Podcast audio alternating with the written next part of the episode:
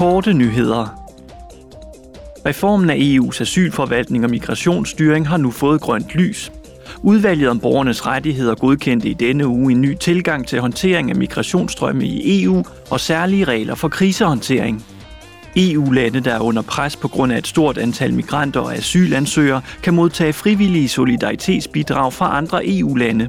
Det kan være i form af omfordelinger eller kapacitetsopbyggende foranstaltninger. I krisetilfælde bliver omfordeling obligatorisk.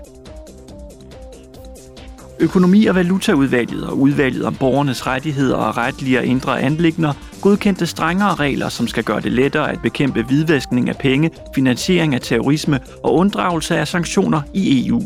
De vedtagende regler forpligter adskillige virksomheder til at kontrollere deres kunders identitet, hvad de ejer og hvem der kontrollerer virksomheden. Reglerne vil blandt andet gælde for banker, forvaltere af aktiver og kryptoaktiver, ejendomsmalere og virtuelle ejendomsmalere og professionelle fodboldklubber på højt niveau.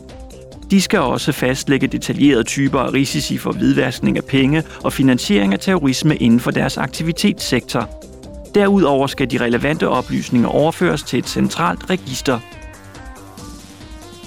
Europaparlamentets formand Roberta Metsola er på et to-dages besøg i Nederlandene – i morgen i Haag vil Metsola holde et fælles pressemøde med premierminister Mark Rutte, efterfulgt af et bilateralt møde.